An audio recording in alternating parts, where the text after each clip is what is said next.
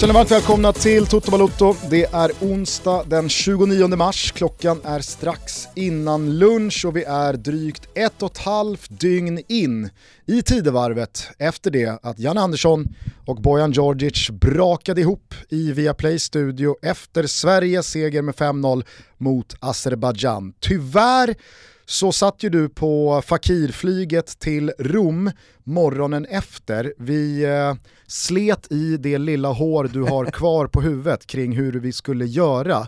Vi resonerade fram och tillbaka, är det att pipa in till studion här nu vid midnatt? Är det 05.45 inspelningen när du är incheckad? Eller ska vi kanske avvakta den andra våg som garanterat kommer skölja över oss under tisdagen och sen så inväntar vi den och poddar efter det. Det blev det sistnämnda alternativet. Du befinner dig i Italien med Hammarbys eh, flickakademi. Det har varit en andra våg men sannoliken inte den jag förväntade mig. Med det sagt, hur mår vi Thomas? det var en lång inledning. Eh, nej men jag mår jättebra. Det är 20 grader sol här nere och eh, fått lite distans till eh, dels allting som händer hemma, dels distans rent bokstavligt också till det som händer från himlen hemma. Det är ganska skönt faktiskt, jag är ganska vädertålig men, men eh, just nu på slutet när eh, den 51 jävla snöbomben kom så kändes det jävligt skönt att sätta sig på ett flyg ner till eh, 20 grader och, och sol. Men, eh, nej men annars är, det, annars är det bra. Lite andra bullar kan jag säga för mig igår kväll. Eh, när jag då, jag och eh, min eh, flickvän Rebecka, vi eh, storvårstädade vårt landställe i fredags, åkte därifrån eh, och eh, då tänkte jag, äh, nu, nu är det väl färdigt, nu är det väl färdigt med köldknäppar och snöbomber va. Så då så ryckte man ju ut det som håller igång rören och värmen i badrummet. Yeah. Ah. Skaff, vet du vad Gusten? Skaffa en väderapp. Nej, det är jo men det var ju den jag kikade in på, det var den jag kikade in på igår morse, när jag då liksom återigen klev ut till en jävla blizzard och kände, är det inte nog snart? Och då såg jag bara, vänta här nu, minus 13, minus Nej, 14, men alltså så här, vädergnäll, minus 16. Vädergnäll, det är fan piss och vi ska inte liksom fastna i det. Men nej, nej, jag får... säger inte att jag gnällde nej, på nej, vädret, jag, jag berättade bara för dig att jag efter efter Fotbollskanalens deadline day-sändning igår kväll så hade jag en sista uppgift kvar på dagsschemat. Det var att pipa ut till Hattudden bara för att dra på värmen i eh, badrummet. Det var en riktigt deppig körning i midnatt va, va, igår kväll. Vad va fan pratar de Vadå? Fotbollskanalens deadline day-sändning? Deadline var ju liksom i januari. Igår. Jo men vadå, missade du inte eh, hur det bara smattrade när svenska fönstret smällde igen igår? Ja, var det något stort eller? Var ja. det... Det är Paul Pogba och ja, gubbarna. Eh, Gnägget eh, plockade in en gubbe som ingen har lyckats hitta vilken klubb han tillhör i Spanien. Eh, Öster valde att släppa en gubbe. Okay. oklart vad som händer med honom. Men det, det, det plingade vi in. Sirius lånade in en dansk ytterforward. och sen Öster så var väl ändå... valde att släppa en snubbe. Stekhet jävla sändning! Tror vi körde fanfar på det. Alltså, att, ja. men, äh, det, det, det, det, var i alla fall en grej som skedde och det var ju att Simon Tern eh, lämnade Blåvitt eh, för mammas gata och eh, pappas gäng, eh, IFK Värnamo. Eh, det, det, det, var ju ändå någonting, men det är väl klart att det, var, det var inte svårt att eh, liksom fylla tiden med lite annat snack igår. Eh, det smattrade inte bara liksom, konkreta Nej, men alltså, det, Jag sa inte till dig med, med vädergnället, utan det var ju riktat generellt sett, eller jag, vad jag tycker om liksom väder. Det var det, var liksom en reflektion över att så här, jag som normalt sett inte bryr mig överhuvudtaget om väder, det kan vara sol, det kan vara liksom blizzard. Jag, jag har tröttnat. Jag pallar inte mer snö. Alltså. Jag, jag, jag, måste ha, jag måste ha vår, så att nu befinner jag mig i Rom och så hoppas jag att det blir bättre när jag kommer tillbaka. Men, men eh, det har ju varit blizzard, ja, men jag, är, jag är även här nerifrån igår då, när jag kunnat, uh, lyssnade på Eh, lyssnade på presskonferensen med Janne i bilen eh, och eh, ah, ja, ja, jag har följt allt. Jag antar att vi ska prata om skiten. Mm, eh, det, det kan du hoppa upp och klappa dig på, gubbe lilla. Eh, jag tänker att vi, vi, vi, kan väl bara börja i det som jag i alla fall tyckte var jävligt anmärkningsvärt. Och det var ju att Dels då börjar Janne, Petra Thorén och förbundet med att kalla till en pressträff. Eh, på Jannes liksom uppmaning, det var han ju väldigt tydlig med att påpeka initialt där. Men att man kallar till den utan att Janne har fått tag i bojan. Det reagerade jag på eh, i att liksom, är inte det ganska key här för att vi ska komma framåt i den här uppstådda situationen och att vi liksom når någon form av lösning och att vi kan reda ut saker och ting. Så det tyckte jag var märkligt i sig. Än märkligare blir det nästan tre timmar senare när Bojan då väljer att komma med sina första och hittills enda, vad jag vet i alla fall, ord kring det här genom Viaplays pressmeddelande. Han kan ju omöjligt ha missat då presskonferensen som hela fotbollssverige följde, eller i alla fall tog del av, där Janne då sträcker ut en hand, där han säger att jag har försökt få tag i Bojan, jag har ringt, jag har smsat, vi har sökt honom men vi har inte lyckats. Att då tre timmar senare, med den informationen, välja att då köra ett pressmeddelande som inte direkt andas, här ska det gjutas olja på vågen, utan snarare blir då ytterligare ett veträ med liksom konsensus, jag kan förlåta men jag kommer aldrig glömma. Det tyckte jag var, alltså, det, det, det var som jag sa inledningsvis där, en väldigt oväntad andra våg igår, eller? Ja, oväntad. Alltså, jag, jag har lite problem med liksom, att göra den här podcasten i och med att jag känner Bojan så väl och vi, vi, vi är goda vänner. Eh, Janne Andersson kan jag verkligen prata om som förbundskapten och hans roll eh, i, eh, alltså hans roll som förbundskapten. Eh, men, jag, men jag har liksom lite problem med att så här, bara rakt ut prata om liksom, Bojans svar till exempel, som jag tycker i grunden är patetiskt. Eh, jag, jag, jag, förstår inte riktigt hur man kan skicka ut ett sånt svar. Eh, men du förstår också att det blir lite problematiskt att eh, prata om det.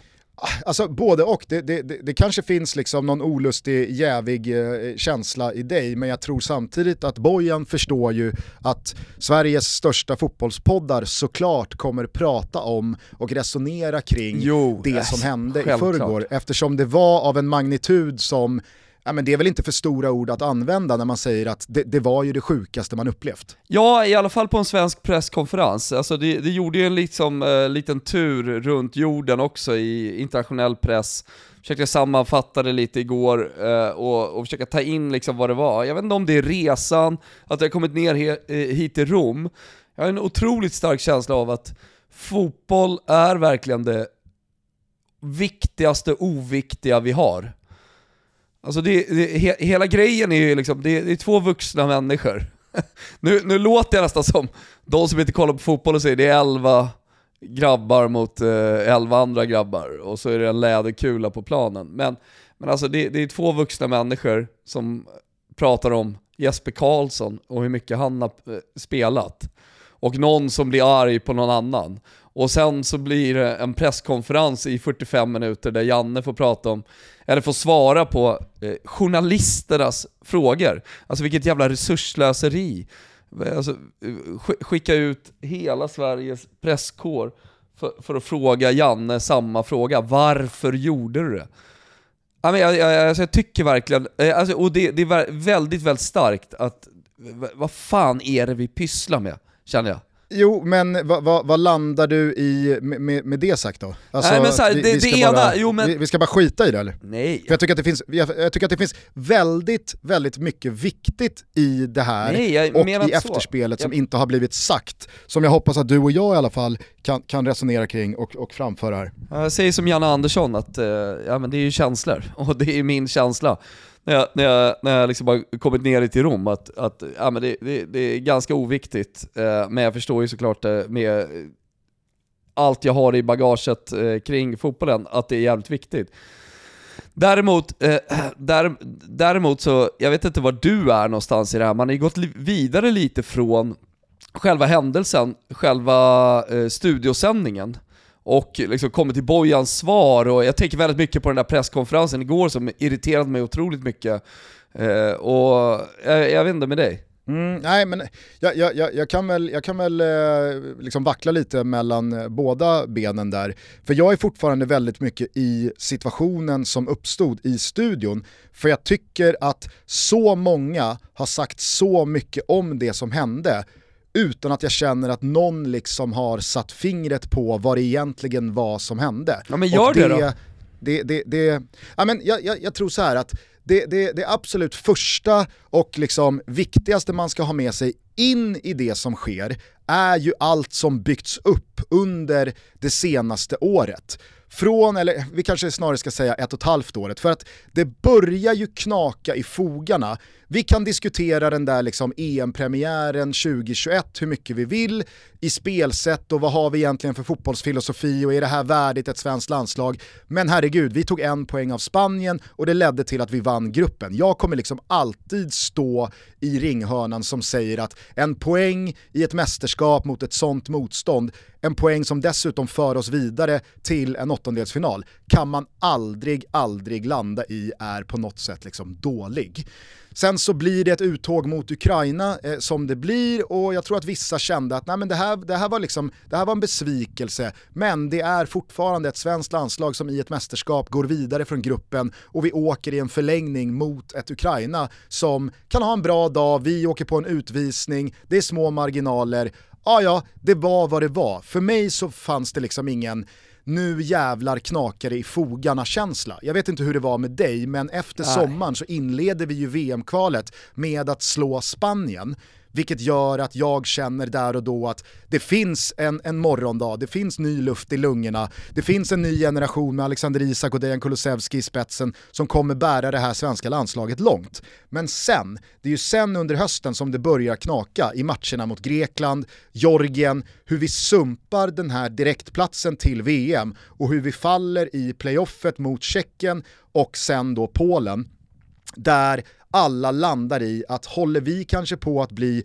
frånåkta i sättet vi spelar fotboll, utnyttjar vi våra resurser på rätt sätt, har vi verkligen ett spelarmaterial för att spela den här typen av fotboll, 4-4-2, kanske framförallt spela en fotboll som de här spelarna i majoritet inte vare sig är uppvuxna med eller bedriver eh, och spelar i sina nuvarande klubbar. Det kanske faktiskt är dags för en förändring. Om det sen är Janne och Peter Wettergren som ska förändras i sitt sätt att eh, utnyttja våra spelare och resurser och kanske tänka om, eller om det är ett förbundskaptensskifte, det får eh, Håkan Sjöstrand och övrig liksom, förbundssportslig ledning komma överens om. Men det var ju diskussionen som var där och då. Sen så startar ju ett 2022 med det här missade VMet i ryggen med då den här nystarten. Nu ska vi testa ett 4-2-3-1, ett 4-3-3, vi ska kunna laborera, vi ska kunna bedriva en annan typ av fotboll. Perfekt att vi utnyttjar då den här Nations League-gruppen till att faktiskt försöka ta några steg. Det som sen sker kommer alla ihåg. Vi torskar fyra matcher, vi spelar en oavgjord, vi tar en seger. Vi kraschar mot Serbien, vi kraschar mot Norge.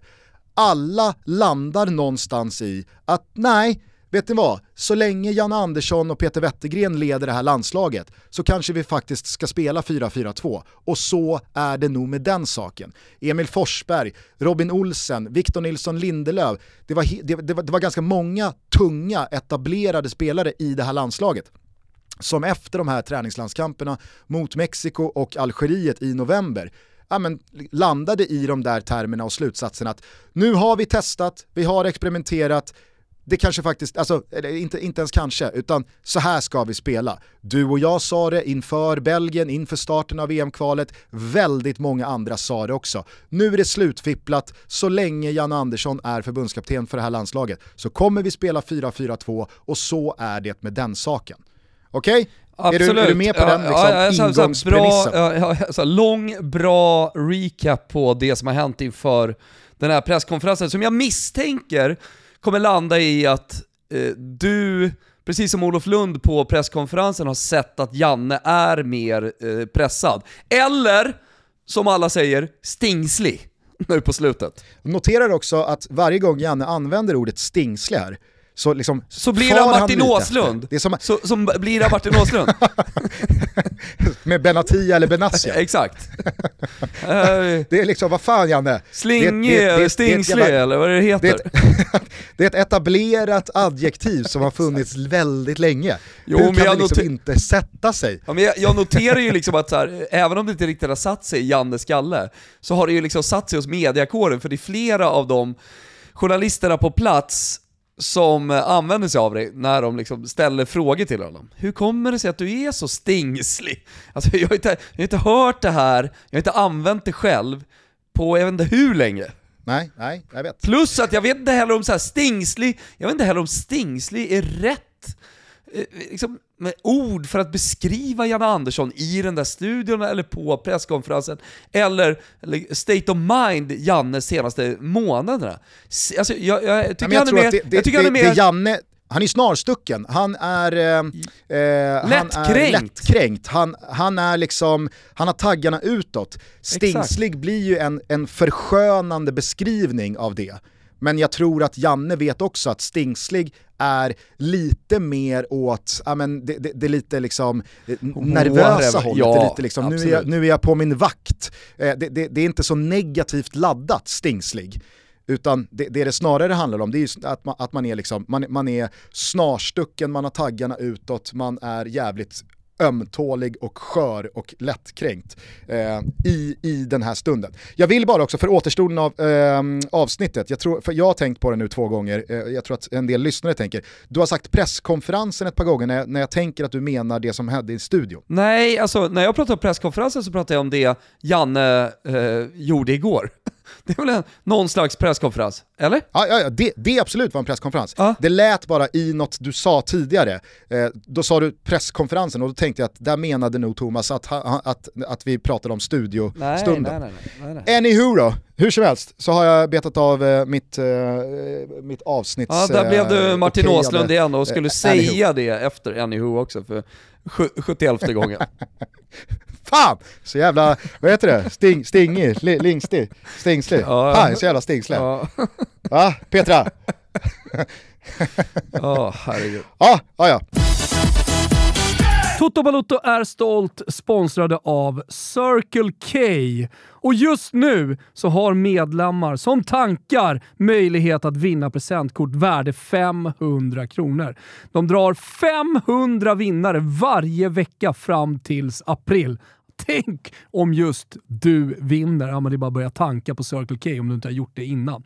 För att vara med och tävla så ska du vara medlem i Circle K Extra och tanka och betala med det kortet som är kopplat till Circle K Extra under perioden 29 december och eh, till den 4 april. Så tänk till och med 4 april. Vinsten är som sagt ett presentkort på Circle K värde 500 kronor och kan inte bytas in mot kontanter. Vad är då Circle K Extra? Jo, det är Circle Ks medlemsprogram och som medlem blir livet längs vägarna extra bra. Ja, ni fattar. Några av fördelarna. Man får 25 öre rabatt per liter i tre månader när man ansluter sig, så det finns ju anledning att bara hoppa på. Och sen så registrerar man bara, väldigt, väldigt enkelt ska jag säga, valfritt bank eller betalkort för första gången. Därefter, ska också sägas, när de här tre månaderna är förbi, så får man 15 öre rabatt per liter. Man får var sjätte kopp kaffe och var sjätte tvätt på köpet och alltid en varmkorv, det tycker jag ändå är viktigt att säga, för 15 kronor. Så nu är det bara att gå med i medlemsklubben Circle K Extra och eh, se om just du vinner. Det är bara att tanka på hörni och vi säger stort tack till Circle K. Dels för att ni är så generösa med den här roliga tävlingen och för att ni är med och möjliggör Toto Balotto. Toto Balotto är sponsrade av eh, Snabbare. Ni hittar vår trippel till helgen på snabbare.com. Vi eh, kommer att jobba på den fram till ungefär fredag. Tänk på att ni måste vara 18 år och att stödlinjen.se finns om man har problem. Låt mig fortsätta. Ja. När vi då kliver in i det här EM-kvalet så är det de premisserna som gäller, alla är med på att så här har det senaste ett och ett halvt året sett ut, men här finns det också två läger. För jag tror att väldigt många, inte minst vi från medialt håll, vi är överens om, och där råder konsensus, att det här är Jannes sista chans att uppnå någonting, inte bara liksom prestationsmässigt utan också resultatmässigt. Annars är det över. Det är liksom, det, det, det, tror jag alla som följer landslaget och Jannes eh, förbundskaptens eh, post är överens om. Jag tror inte att liksom Jan Andersson sitter med den känslan till 100% och kan liksom eh, bolla den med utomstående som att ja men så är det. Utan det, det, där finns det ju en tydlig distinktion mellan vårt läger, mellan Jannes läger och kanske framförallt då alla hundratusentals, miljontals människor som följer landslaget. Det finns de som har tröttnat på Janne, som vill att Janne ska försvinna. Det finns de som fortfarande hänger kvar i Jannes ringhörna, men även de tror jag vet att skulle vi bränna även EM24 ja då kommer väldigt många tycka att det är dags att byta förbundskapten. Så är det ju. Det är Gustav den tredje. Och med det här 2022 i ryggen, med ett missat VM i ryggen, med en fotboll som inte övertygar, med en mismatch i spelsätt kontra vad vi numera har för majoritetsmässig liksom spelargrupp att jobba med, så är det ju ett pressat läge då är det andra insatser. Och då blir det tycker jag, problematiskt när Janne och Wettergren och landslaget å ena sidan ska prata om att man har fyra raka segrar och att Belgien är världsfyra när det passar deras incitament och när det passar deras upplägg, men att man ska lacka ur och ta det jävligt dåligt när då den andra delen av den här bevakningen, eller de som följer det här landslaget, alltså media, menar på att jo fast vi kan också prata om att vi har missat ett VM, att eh, 2022 var det sämsta året eh, på, på, på decennier rent resultatmässigt. Eh, det går från landslagshåll och Jannes håll att prata om att vi minsann har en intakt förlustnolla när det kommer till kvallandskamper på Friends under min tid som förbundskapten men det går att vrida och vända på de där siffrorna från medialt håll, men då ska Janne och, landslaget inte ställa upp. Alltså, så här, det är ju en laddad situation som vi går in i det här kvalet med. Ja men det tycker jag, det tycker jag, alltså ja. så här, nu, nu, nu är det så mycket recap och liksom surr eh, kring. Jag vet, liksom så här, men du, vet, jo, du känner ju mig. Ja, jag, jag, jag vet, jag, absolut. Jag, jag, skulle bara liksom vilja, eh, bara, bara kasta mig in det lite det du säger. Mm. Alltså, det, det tycker jag är väldigt konstigt. Eh, dels presskonferensen, dels studiosändning, eh, dels, ja men egentligen så här, egentligen allt som har hänt, ja. att Janne, alltså när han väl kallar till presskonferens och när han väl sitter där, så vill han fortfarande inte erkänna att han har varit pressad. Det är först när Olof Lund säger “Men Janne, jag har följt dig i sex och ett halvt år här nu, landslaget. Jag har skrivit böcker och jag, jag säger inte att vi är polare, men jag har fan lärt känna dig under de här åren. Kan du inte bara säga att du har varit extra pressad på slutet! Mm. Janne! Nej, men, och då, då viker Janne eh, lite grann. Ja. Då, då säger han, ja, ja, kanske har väl varit det då. Men vad fan är det för jävla problem en gubb kan ha att säga att man har varit lite jävla stressad och pressad när man är förbundskapten för 10 miljoner människor? Vad är problemet? Ja, men jag blir tokig! Framför allt Det är så jävla patetiskt att säga! Jag är pressad och stressad inför alla landskamper. Nej! Nej, Nej du har varit extra pressad jävla mähä alltså! Ja, men jag blir tokig på den där presskonferensen igår. Alltså jag kokar Första i bilen, jag håller på att köra inför... av vägen i Umbrien. Jag blir så jävla galen alltså. inför första Nations League-landskampen efter succé-VM sommaren 2018. frågor! Upple- Men varför hände det här? Och så svarar han på det. Och så kommer nästa jävla gubbe. Varför hände det här? Och så kommer nästa tjej. Varför hände det här? Ja. Men han tappade ju, det fattar ju alla! Han är pressad och tappade! Ja. Vad fan ska jag säga då? Jävla man alltså! Hela gänget! vi, Fan singla in en handgranat måste... med mjuk handled alltså! vi måste klippa in scenen från Kartellen när eh, Rafael Edholms karaktär Alexander, när det håller på att skita sig. Och han till slut erkänner, tror fan att jag är stressad. Tror fan, det är klart som fan jag är pressad. Misshandlat mamma och mördat Christos. Det är klart att jag är pressad. Har för fan misshandlat min mamma och mördat Christos. Tacka fan för att jag är pressad! Klart som fan jag är pressad. Klart som fan jag är pressad. Eh, Nej men alltså, jag blir fan tokig!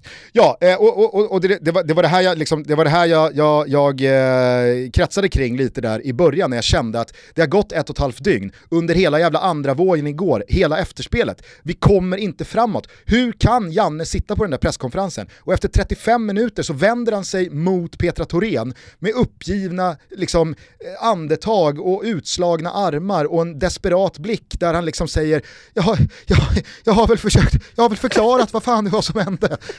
Jag, har inte jag svarat på den här frågan? Vi, vi liksom bara, bara trampar och trampar och trampar. då? Därför känner jag att nu, alltså, vi, vi måste förklara för alla vad fan det var som hände. Det är därför jag tar det Bra. så jävla grundligt från början, för jag kommer förklara precis vad fan det var som hände. Vaj, och varför den här stunden vaj. också har en jävligt viktig botten och som vi, liksom, vi måste ta på allvar så att vi som samhälle också kan lära oss någonting av det här. För det är inte bara en meltdown kring världens mest viktiga, oviktiga sak fotboll, utan det är också någonting annat. Men det ska jag komma till strax. Jag vill bara säga då att när vi går in i det här EM-kvalet och torskar med 3-0, då är vi i en situation där med tanke på vad som hänt resultatmässigt, prestationsmässigt och liksom det, det, den triggade stämningen mellan landslagslägret med Janne i spetsen och median som bevakar det här landslaget med Viaplay i spetsen som har haft Nations League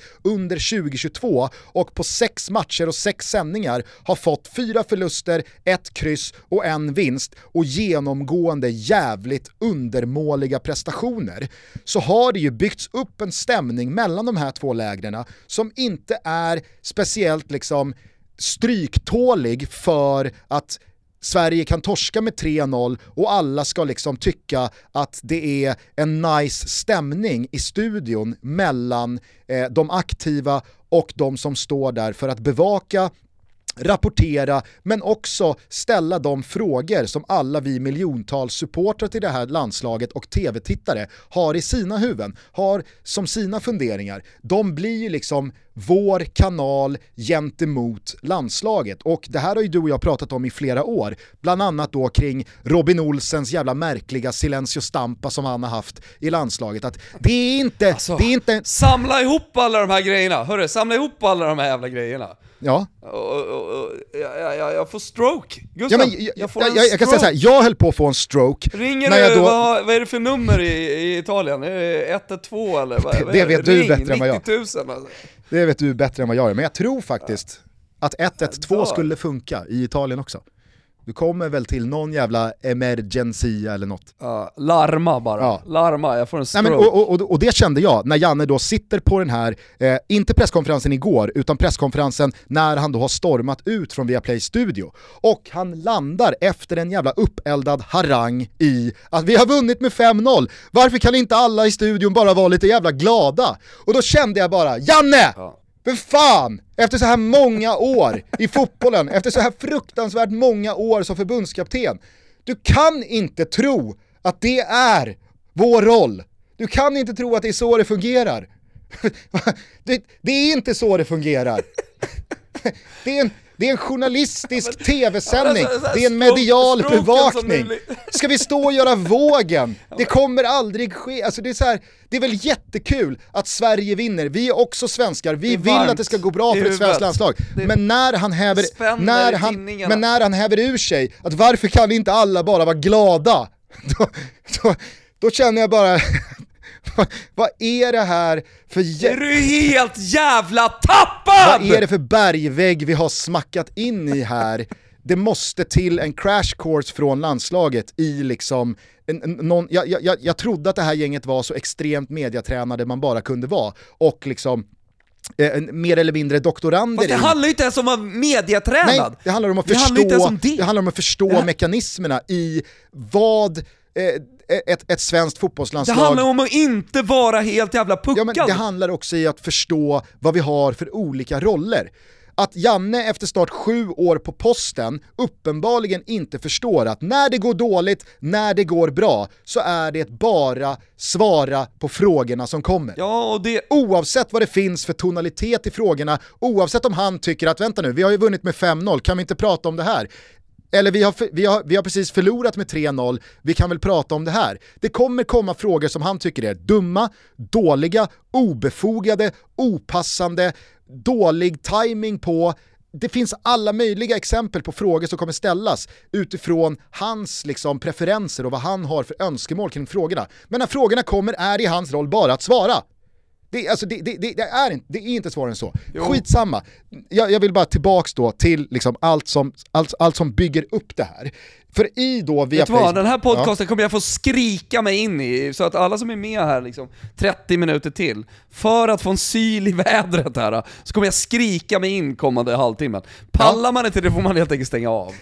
För jag kommer inte in, jag vill liksom flika in, jag har en pågående stroke och sen det spänner i tinningarna, det är varmt i huvudet, hjärtat slår snabbt. Det, det, det är problematiskt, jag måste få komma in, jag måste få säga saker. Ja, vill, du säga, vill du säga någonting nu innan jag fortsätter? Jag du ska få fortsätta och du kommer säkert komma dit.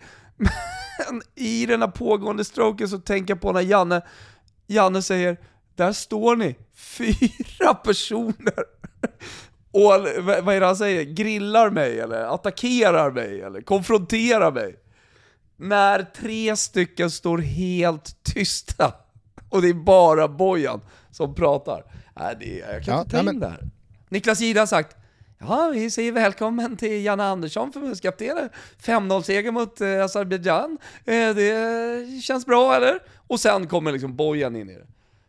Det är, då har han ju laddat upp. Och, och då blir det ännu märkligare hur han på presskonferensen dagen efter inte kan säga att jag kom in där och jag var lite irriterad från tidigare match. För att ni är på mig så inåt helvete, och jag är pressad för att ni är på mig så inåt helvete. Så jag var stressad, så jag var tvungen att tappa det. Det var falling down för mig i den där studion. Thomas. Han kommer, han, han liksom, han står på, vänta, vänta, han står på sig på presskonferensen dagen efter när han har sovit på saken och säger att han kom in glad. Det gjorde du inte alls det! Han var glad! Alla vet att du inte kom in glad! Och vet du vad som var det värsta av allt? Det aset sa att han var glad. Han var glad! Thomas, vi kommer dit. Vi kommer dit. Ja, förlåt, jag går händelserna ifrån. Jag har jag nämligen bara, jag den mest perfekta Om liknelsen. Om jag inte svarar så har jag dött. Jag fattar, ja. jag fattar. Men jag har nämligen den mest Och perfekta okay. liknelsen. Alltså, jag, kommer, men jag ska bara säga det, när nu stroken drabbar mig och jag eventuellt dör, Alltså, det gör ingenting. Jag kommer sova gott. Jag orkar ändå inte med mer Nej. av detta. Okej? Okay? helt, helt ovälkommet är det inte ifall det blir eh, det, det, det sista du gör här. Jag har inga problem med det. Nej. Noll problem. Jag hoppas att du, du i alla fall rider ut avsnittet. Vi får se. Ja. Jag har i alla fall den mest perfekta liknelsen du kan tänka dig. Jag vet att du kommer älska den för då liksom hela, hela summeringen in i det som sen då blir slutstudion efter Azerbajdzjan 5-0. För efter då 3-0 mot Belgien, starten på EM-kvalet blir resultatmässigt katastrofal, vi är dessutom eh, lite oense om att prestationen knappast var så bra som kanske Janne och landslaget ville få den till, men den kanske heller inte var så dålig som väldigt många tyckare och tänkare utanför eh, mediasvängen ville få det till, men också kanske lite då från hur studion tänkte. Det, det är vad det är. Ja, och det blir Solskens historia. Men det är Belgien, och hej, då påtalar Janne upprepade gånger att det är alltså världsfyran. Belgien är rankade fyra i världen. Vi snabbspolar då till tre dagar senare när Azerbajdzjan, 121 i världen, kommer på besök till Friends Arena. 121 nämns inte någon gång från då landslagets håll, för då är helt plötsligt den där rankingsiffran inte så viktig. För att man ska kunna liksom vrida och vända på det och få det liksom klädsamt till eh, det som tjänar ens egen syfte. Hur som helst, när det då är en 5-0-seger på resultattavlan men då prestationen, i alla fall i första halvlek, kanske inte var speciellt eh, övertygande. Starten på matchen direkt svag, Azerbajdzjan är väl uppe på över 60% i bollinnehav, vi får inget bett i pressen, det finns liksom inget go i eh, laget, det finns ingen attityd som säger, vet ni, vi förlorade med 3-0 i fredags, nu är det Azerbajdzjan på hemmaplan, låt oss visa att vi fucking menar allvar med det här EM-kvalet och den här nystarten. Nu ska ni få se vad vi går för på riktigt. Allt det där lyser ju med sin frånvaro, men efter 2-0 så är det lite avslappnade axlar, det är lite mer självförtroende, Azerbajdzjan kroknar, siffrorna rinner iväg till 5-0. Alla nöjda och glada, vi har våra tre poäng, vi är med i matchen, vi har plus två i målskillnad och vi fick sprida ut lite, lite, lite målskyttar. Det var många som gav positiva svar. Jag tänker på både eh, Gabriel Gudmundsson, Isak Hien kommer in och gör det bra när han byter av Hjalmar Ekdal. Eh, jag tycker att Viktor Gyökeres gör en jättebra insats eh, och visar, precis som vi var inne på eh, i senaste avsnitt. Ja, du, du känner mig, jag skiter i, det där kan du prata med Bengt Skött om, om du vill. Eh, Nej men jag, jag skojar, det är Jannes uttal. Han har ju jo, för, egen. Fast det var väl ganska många fler i landslaget som sa Skit i det. Ja, jag har pågående verkligen. stroke här. Jag, skit i det. Lyssna inte på mig. Ja. Snart är du tyst härifrån.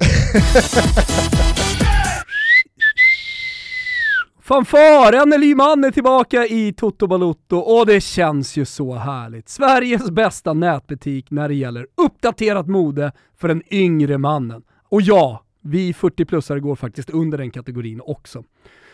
Vad en NLY-man vill påstå, i alla fall jag. Hörni, på NLY-man nlyman.com finns ungefär 100 noga utvalda brands såsom J. Lindeberg, New Balance, Ralph Lauren och Levi's. Och här är det inte direkt svårt att klicka ihop en riktigt schysst outfit. Utöver kläder finns givetvis även accessoarer, skor och oavsett hur dagsformen ser ut i plånboken eller på kontot så finns det alltid riktigt bra stil och prisalternativ. Ett nytt, riktigt schysst varumärke vill jag nämna som säljs exklusivt på nlyman.com är Que Sera Sera. vill man nästan sjunga. Que Sera Sera. Jajamän. En kollektion med svettisplagg och t-shirts. Halvsippen, hoodien, sweatpantsen är givna favoriter där. Allt i softa färger, lätt oversized, boxypassformar med drop shoulders och precis som jag var inne på, det ligger ju inte helt fel i munnen att säga att det man bär är från Kesera vi har en kod. Ja, jag vet att ni vill veta. Då den är exklusiv för alla er Toto-lyssnare. Toto20 ger er 20% rabatt på allt. Alles rubbet! Så passa på. Detta varar, vet ni om, inte i evigheter. NLYman.com, Toto20 i koden och vi är de som lyfter på hatten och säger stort tack till NLYman för att ni är med och möjliggör Toto Balotto. När gäddorna leker i vikar och vass och solen går ner bakom Sjöblomstas, ja då är det vår! Ja, men det är klassiker såklart, men jag tänker eftersom vi är sponsrade av tre och vi båda älskar våren så känns det väl som att det är dags för en alternativ vers till den där visan, eller? När domarna blåser i pipan med kraft och bucklade skyn efter en sista match, ja då är det vår! Nej, jag vet inte fan. Man kanske inte ska in och pilla i sådana här klassiker, men det jag i alla fall vet är att tre alltid strävar efter att ta fram så flexibla känslor som möjligt utan bindningstider och att dessutom så vill de alltid ge ett så bra bemötande till sina kunder som det bara går. Så är ni ute efter bra deals på mobiler och eller surf så rekommenderar vi varmt tre eftersom de dels, precis som jag älskar våren och dels strävar efter att hitta mobillösningar som gör livet trevligt. Sväng förbi 3.se och se efter själva. Vi säger stort tack till er! Hur som helst, vi, vi snackade lite om det där, ska vi spela 4-4-2, då kanske vi ska ha en sån där typ av anfallare bredvid eh, Alexander Isak och så kan Dejan Kulusevski gå till höger. Mycket bra svar på det. Men det som blir då, det är ju att Janne återigen gör ett byte, där man kan byta in Jesper Karlsson för vi leder med 2-0, det är 20-25 minuter kvar mot Azerbajdzjan på hemmaplan, de börjar krokna, du gjorde det här bytet i fredags och då borde du ha lärt dig att det här väckte irritation, det här väckte frågetecken, det var många som undrade varför får en glödhet Jesper Karlsson inte spela mer? Och han väljer då Vadå återigen... glödhet? Vänta, förlåt, vadå glödhet? Ja, det, det, Han har ju inte, han har ju varit skadad hela säsongen. det, det, Det är ju nu på slutet han har spelat några minuter här och där. Ja, det, det, det är en mycket märklig take för att då liksom underbygga och motivera varför Viktor Claesson ska gå före. Men återigen, när Janne gör samma byte igen, att byta in Viktor Claesson off position på den där vänster ytterpositionen som Jesper Karlsson ska ha, då, då måste han ju själv veta, då måste han ju själv förstå att det här är ett byte som jag kommer få frågor kring, som jag kommer få kritik för, som folk kommer ha sitt att säga om. Men vet ni, jag är förbundskapten. Jag är dessutom stressad, jag är dessutom pressad, jag tänker inte slarva bort den här är han 2-0-ledningen och riskera att få in ett Det är han är reduceringsmål. glad. Ja, jag vet. Det, det, och, alltså, allt det här byggs ju upp till en jävla stroke som sen bara liksom tar sig uttryck i den här studion. För att han avslöjar ju sig själv det första han gör när han kliver in i den här studion. För du har ju redan återgett då Niklas Gides liksom surv in i samtalet i studion.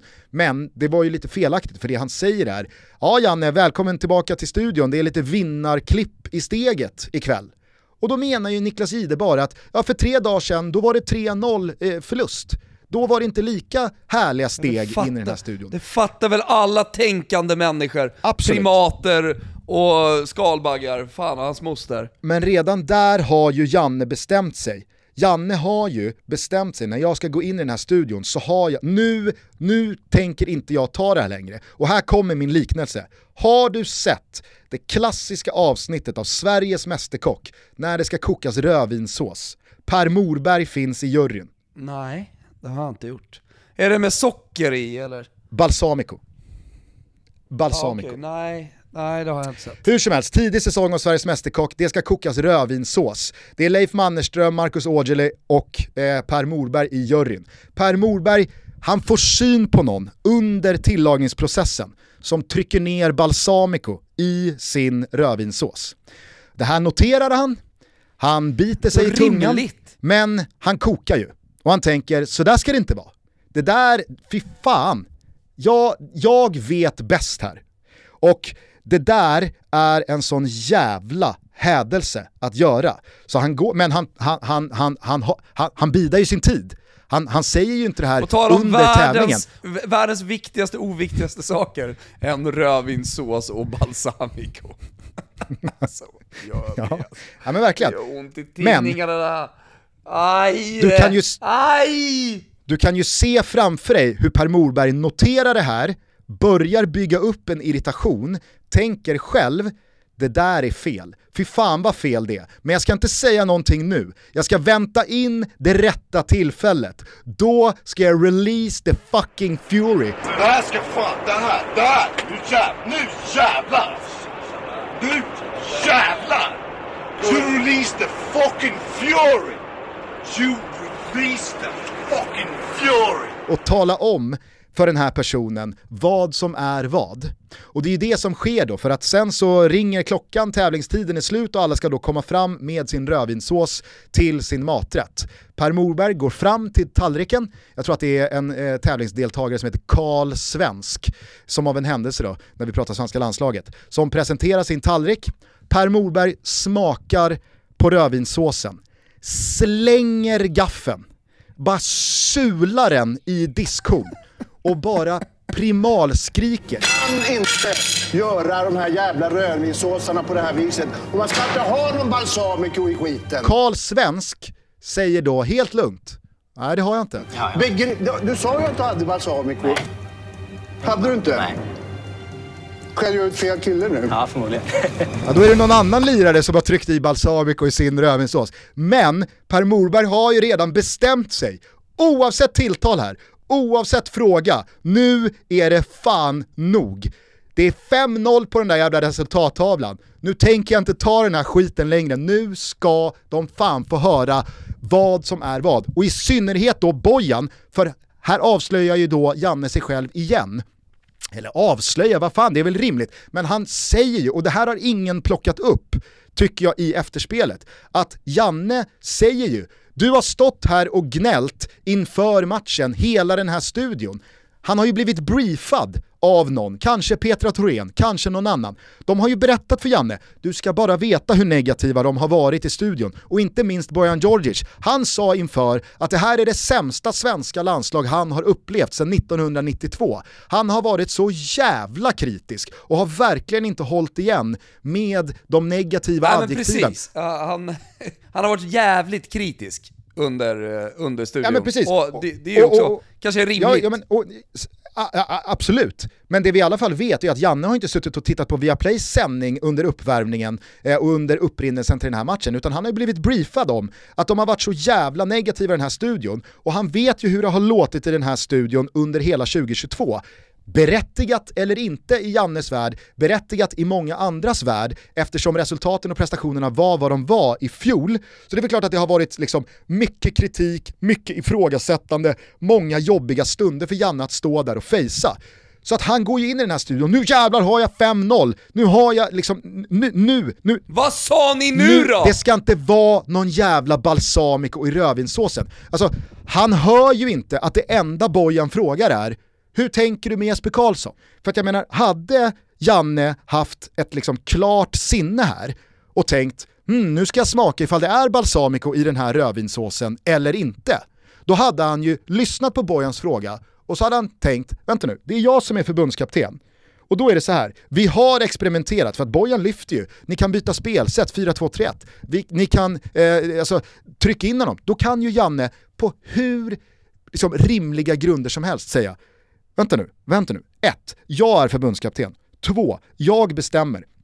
3. Vi gjorde väl för fan inget annat i fjol än att just experimentera och testa oss fram för att hitta ett annat spelsätt. Men vi landade efter de här 12 månaderna i att nu går vi tillbaka till 4-4-2. Det har vi bestämt och det var alla överens om, även väldigt många andra medialt. Och spelar vi 4-4-2 under mig som förbundskapten, då konkurrerar Jesper Karlsson med Emil Forsberg. Och Emil Forsberg är inte bara vice lagkapten, han är också en så jävla bra offensiv fotbollsspelare som jag vill ha där ute från start. Sen kan man då landa i att ja, men Jesper Karlsson kan väl komma in då när eh, du ska byta ut Emil Forsberg och vi leder med 2-0 och det är 20 minuter kvar hemma mot Azerbajdzjan. Men då har ju faktiskt Janne all rätt i världen att motivera det med att säga men vi har börjat det här EM-kvalet med en 3-0 förlust. Vi har det året vi har i ryggen. Jag är en ifrågasatt pressad förbundskapten. Jag tänker inte slarva, så jag valde det säkra före det osäkra genom att snarare stänga den här matchen i 10 minuter till. Och då vill jag ha in Viktor Claesson, min jävla gubbe som vet hur man tar det defensiva ansvaret. Jag tänker dessutom skicka på Jesper Karlström, för att jag ska inte schabbla bort det här. Det är inte du Bojan Djordjic, det är inte du Fredrik Ljungberg och det är inte någon annan heller som ska sitta på det där presskonferenspodiet om vi sumpar det här mot Azerbajdzjan hemma och släpper in 2-2 och facear det, utan det är jag och därför tar jag det beslutet att skicka in Viktor Claesson. Sen skickar jag på Jesper Karlsson och det kan man tycka vad man vill om, men så motiverar jag det. Och så hade man kunnat stanna där. För då hade Bojan sagt det alla undrar, Bojan hade ställt den rimliga fråga han gjorde, men Janne hade också kunnat motivera det på ett jävla rimligt sätt genom att bara då förklara, påminna alla en gång till om att vänta nu, jag är förbundskapten och så här har jag tänkt. Men han har redan bestämt sig att det är balsamico i rödvinssåsen. Så han liksom, hans, hans omdöme är totalt bortblåst. Och han får ju sån jävla blödning. Och det som sen sker, det är ju där det blir viktigt på riktigt och någonting helt annat. För att jag tror att väldigt många... Det blir inte viktigt på riktigt. Ingenting är viktigt på riktigt i den där studion. Det jo. kan du fan inte säga! Det som blir viktigt på riktigt, det är ju det som leder fram till... Det är det oviktigaste jag varit med om 2023. Hittills ja, men det som sen leder fram till att Bojan tolkar det som att Janne yttrar någonting rasistiskt gentemot honom. Och i det blir en analogi för vad jag tror väldigt många invandrare eller svenskar med invandrarbakgrund i det här landet liksom upplever på ett helt annat sätt än vad du och jag och miljontals andra svenskar inte förstår. Där skapas en situation som vi behöver prata om, som vi behöver lösa. Jo, Eller, kanske inte lösa, men som vi i alla fall behöver lära oss någonting av. För det som där sker, jag, jag, jag upplever bara, eh, jag, jag, jag ska snart släppa in dig om du inte liksom coolar vippen, men jag vill bara höra om du tänker som jag, för att det som leder fram till eh, liksom, hela den här situationen, det är ju att Bojan med en valid point påminner Janne om att men, men, du representerar ju 10 miljoner svenskar som vill ha svar på de här frågorna. Det är ju vad han säger. I Jannes stingsliga, som egentligen inte är stingsligt utan som är då snarstuckna mode, så blir ju hans bara liksom väggspelsrespons. Jaha, vad representerar du då? När Bojan då Det tog sig svarar... helt hjärndött att Absolut, svara. absolut. Men när han säger vad representerar du då? Så är, jag, jag, jag, jag kan inte få det till någonting rasistiskt. Men när, när, eh, när Bojan då svarar, jag representerar Sverige, då får ju Janne liksom reagera på det. Och då tror jag att Janne tänker, vänta nu, så att du menar att det du står här och säger till mig, det representerar vad alla i det här landet tycker. Alla är alltså så här kritiska. Vi har precis vunnit med 5-0. Du behöver inte säga tror Gusten. Gusten, Ja. du behöver inte säga tror. Det är så han tänker. Absolut. Och då blir Jannes respons, åh fan, så att du liksom, du, du menar att du representerar Sverige. Det säger han ju inte, men det är vad jag är helt övertygad om hans reaktion är. Det När är Bojan, då, när Bojan då tolkar det som att Janne ifrågasätter huruvida Bojan representerar Sverige eller inte, sett till vad han har för ursprung, då blir det en jävligt, jävligt viktig diskussion att ta. För att Bojan har ju såklart ett tolkningsföreträde i det. Och när den situationen uppstår så måste man reda ut det. Och det jag inte för mitt liv förstår är hur Janne i då efterspelet igår på den här presskonferensen, liksom han- säger, eh, jag, jag, jag, jag, jag uppfattar inte att liksom Bojan tolkar det så, trots att Bojan då upprepade gånger med Janne i studion, för det är inte så att Bojan tar det här när Janne har lämnat, att Bojan då säger att han spelar ut rasistkortet och säger hur han uppfattade det, utan det säger han ju med Janne närvarande. Och, och, så det blir ju väldigt, väldigt tydligt att så här har Bojan tolkat det. Och då måste Janne bara liksom, vänta, vänta nu, vänta nu här. Det var verkligen inte det jag menade. Jag var jävligt upprörd över någonting annat och det var så här jag menade. Men när det kortet spelas ut, tystnaden som blir då, den är jävligt, jävligt märklig och problematisk. Sen tror jag att den tystnaden bottnar i att Janne är, han är en halv tiondels av en sekund ifrån att brista ut i gråter. Precis det som hände igår på presskonferensen när han då, han pratade någonting om sin fru. Det bara stockar sig, jag tror att han vet att fortsätter jag med ett ord till, en stavelse till, då brister det här. Därför blir han bara tyst, han tar lite vatten, men den tystnaden, även fast det är därför kanske tystnaden uppstår, det vet jag inte. Men den tystnaden måste sen liksom den måste avbrytas och den där situationen måste redas ut. Någon måste ju bryta in och bara vänta här nu, vänta här nu. Det här får vi faktiskt lösa innan, eller reda ut, eller i alla fall Exakt. prata om, Tack. innan vi släpper Tack. Janne. För det, det, Ja. det, det, det, det, det, kortet kan inte spelas ut och bara ligga kvar där. Och, eh, exakt, tack! Det- förstod inte jag heller. Hur, alltså dels Janne accepterar det, dels Gide, dels eh, eh, redaktörer i öronen, producenter. Hur de bara kan acceptera att det ligger kvar där på bordet och får liksom ligga och gosa sig på sociala medier i 24 timmar innan Janne håller en presskonferens dagen efter. Det är också... Det, det är ceremoni snart i Rom, Gusten.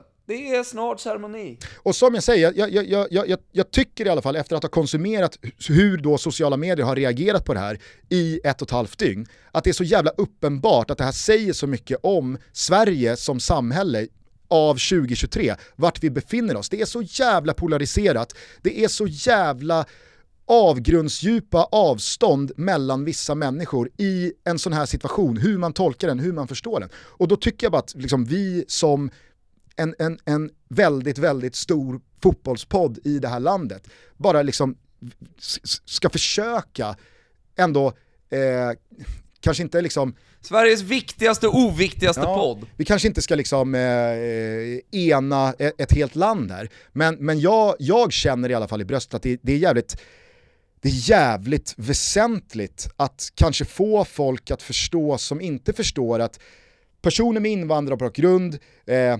kvinnor eller homosexuella personer, alltså de, de uppfattar signaler, ordval, kroppsspråk, blickar som liksom har rasistiska undertoner, som har sexistiska undertoner, som har homofobiska undertoner, som svenska vita företrädelsevis män inte uppfattar. Och när man tolkar någonting så, då måste man också från andra sidan kunna zooma ut, förstå det perspektivet, förstå att vänta nu, okej, okay, jag sa alltså någonting nu, jag gjorde någonting nu som tolkades så här.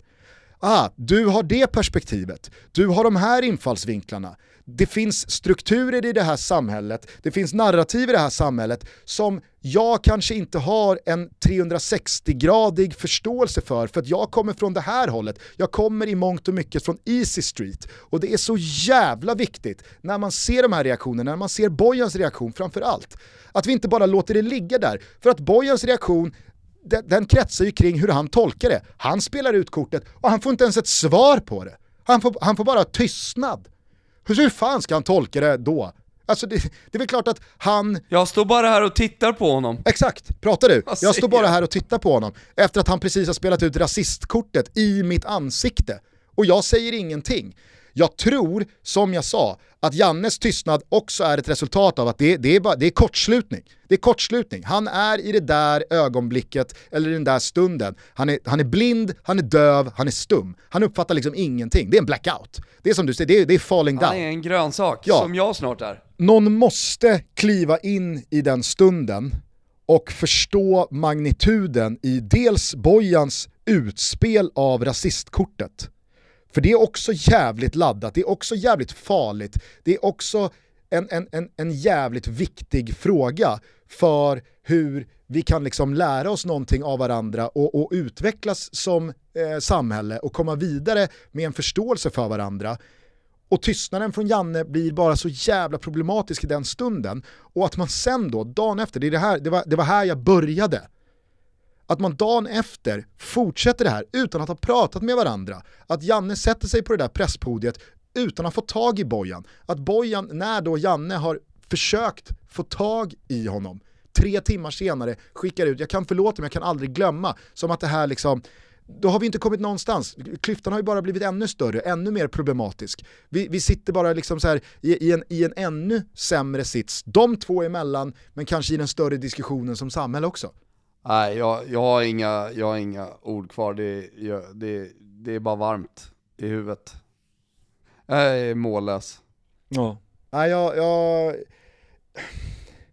Från att man var så jävla liksom uppe i varv kring det här och pulsen var hög och man kände att så här, det är så jävla explosiv tv det här så har verkligen liksom efterspelet, inte bara mellan Janne och Bojan eh, och det liksom mediala, utan också hur polariserat det har blivit i allas reaktioner på det här. Hur uppenbart oförstående vi är för varandra. Hur de som är i Jannes ringhörna verkligen bara liksom slaktar Bojan och alla som eh, är i hans ringhörna och vice versa. Och Janne liksom byggs upp som någon rasistgubbe från de som, alltså, som är team Bojan om man får alltså, använda ett sånt liksom enkelt uttryck. Det känns bara så jävla sorgligt. Dumt är det också.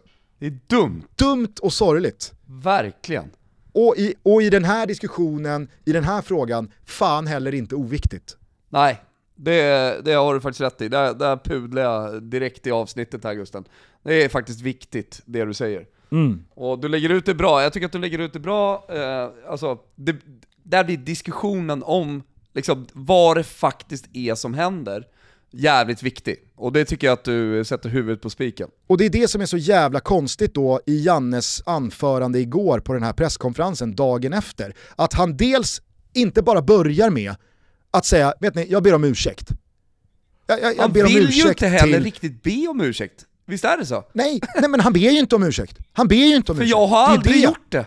Han säger, han säger till att börja med, jag vill förklara Eh, liksom, vad, vad, det var som hände igår och sen så vill jag liksom prata med Bojan, be om ursäkt, ja, alltså, jag, jag, jag vill att han förstår vad jag menade och att vi, liksom, att vi förstår varandra. Men, men han säger ju mer eller mindre konkret att jag vet inte riktigt vad jag har att be om ursäkt för. Jag, jag, jag, jag, jag är nästan chockad att den där presskonferensen inte börjar med två uppsträckta händer och bara, vet ni, jag ber så hemskt mycket om ursäkt för igår. Jag tappade det, topplocket flög, jag borde inte ha reagerat så, jag är så hemskt ledsen, men jag ber verkligen om ursäkt till Bojan, till övriga personer i den där studion, runt, eh, runt den också, till alla som tittade. Jag ber om ursäkt i min roll som förbundskapten. Så där ska inte jag reagera, så där ska inte jag bete mig. Det säger han ju, men inte med orden “jag ber om ursäkt”. Nej. Förbehållslöst. Nej, och det tycker jag nästan är det konstiga, eh, konstigaste av allt. Att han drar sig så jäkla mycket för att be om ursäkt bara. Och, och, och, och sen då, som, som liksom det, det, det, anmärkningsvärda nummer två, det är ju att han kan ju, om man har tittat om på den här studiosekvensen ett par gånger, gissningsvis får man ju tänka att han har gjort det, så kan det ju inte, liksom, han kan ju inte missa vad det är Bojan säger i sin tolkning. Han kan ju inte ha missat att Bojan spelar ut liksom rasistkortet. Och det, det, det viftar han ju också bara bort som att det där, det, nej, nej, nej. Alla som känner mig vet att sådär är det inte. Alltså att, att, att, ing, att, att, att liksom att viben inte från honom är att det är så jävla viktigt ja. att vi förstår varandra i den här frågan, att vi löser det här. Jag menade det här. Jag förstår att det kan tolkas uppenbarligen på det här sättet och då är det extremt viktigt, inte bara för mig och Bojan, utan liksom för, för, för alla som tittar och lyssnar på det här, att vi förstår att det, det, det, det, kan, saker och ting kan tolkas olika beroende på vem man är, var man kommer ifrån, vad man har för bakgrund, vad man liksom, liksom från vilket håll man kommer i världen. Det, är jävligt viktigt att förstå. Och det, det, alltså jag tror att det, det uppenbarligen är så jävla många i det här landet som inte förstår det. Så även fast Janne inte på ett endaste liksom sätt och vis sa någonting rasistiskt så måste man utgå från att Bojan tolkade det som rasistiskt. Mm. Och då får man ta det därifrån. Ja. Nej. Och jag vet inte, jag tycker, jag tycker, det, är så jävla, jag tycker det är så jävla synd att, att Bojans respons blir som den blir tre timmar senare. När han liksom... Jo, du, du tycker ges, att det är synd ges... för att de inte har rätt ut det? Ja. Du tycker att det är synd för att så här, eh, Sverige hade behövt lite grann, ja. att de redde ut det här och att de pratade på ett klarsynt, vuxet sätt om det. Eller hur? Exakt. Exakt. Om nu inte Janne förstår, För nu fortsätter det. Förstå nu ligger ju liksom korten kvar, eller hur? Nu, ja, nu, nu ska vi vara team Bojan eller team Janne. Nu är vi ännu mer segregerade med någon slags Exakt. rasistisk underton. Med Sveriges förbundskapten i fotboll och en av våra mest hyllade experter i, som parter i detta. Exakt. Alla som gillar Janne numera är lite, lite liksom smygrassar. Och alla som är team Bojan, de är, liksom, eh, de är lite mer att man tycker att Janne är en liksom, rasistisk idiot. Och det är så jävla sorgligt. Det är så jävla deppigt att vi inte kan förstå varandra bättre. Och när tillfället då ges för Bojan att faktiskt utbilda Janne och hundratusentals, kanske miljontals svenskar ytterligare, som kanske, försöker, som, kanske eller som uppenbarligen behöver förstå att vi tolkar saker och ting på olika sätt beroende vem man är, var man kommer ifrån, vad man har för bakgrund, vad man har för sexuell läggning, vad man har för kön, vad man har för trostillhörighet. Vad det än är så tolkar vi saker och ting olika.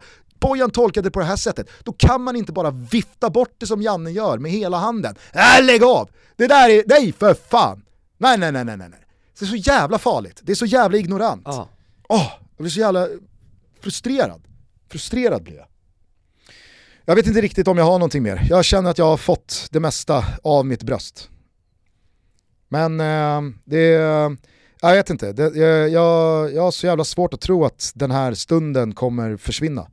Fan vad den kommer prägla, den kommer prägla Bojan, den kommer prägla Janne, den kommer prägla landslaget, den kommer, alltså... Fan vad jag hade velat att de, de skötte det här bättre dagen efter. Att de hade förstått vikten av det. Fan. Jag är fan ledsen alltså. Där dog jag. Vila i frid.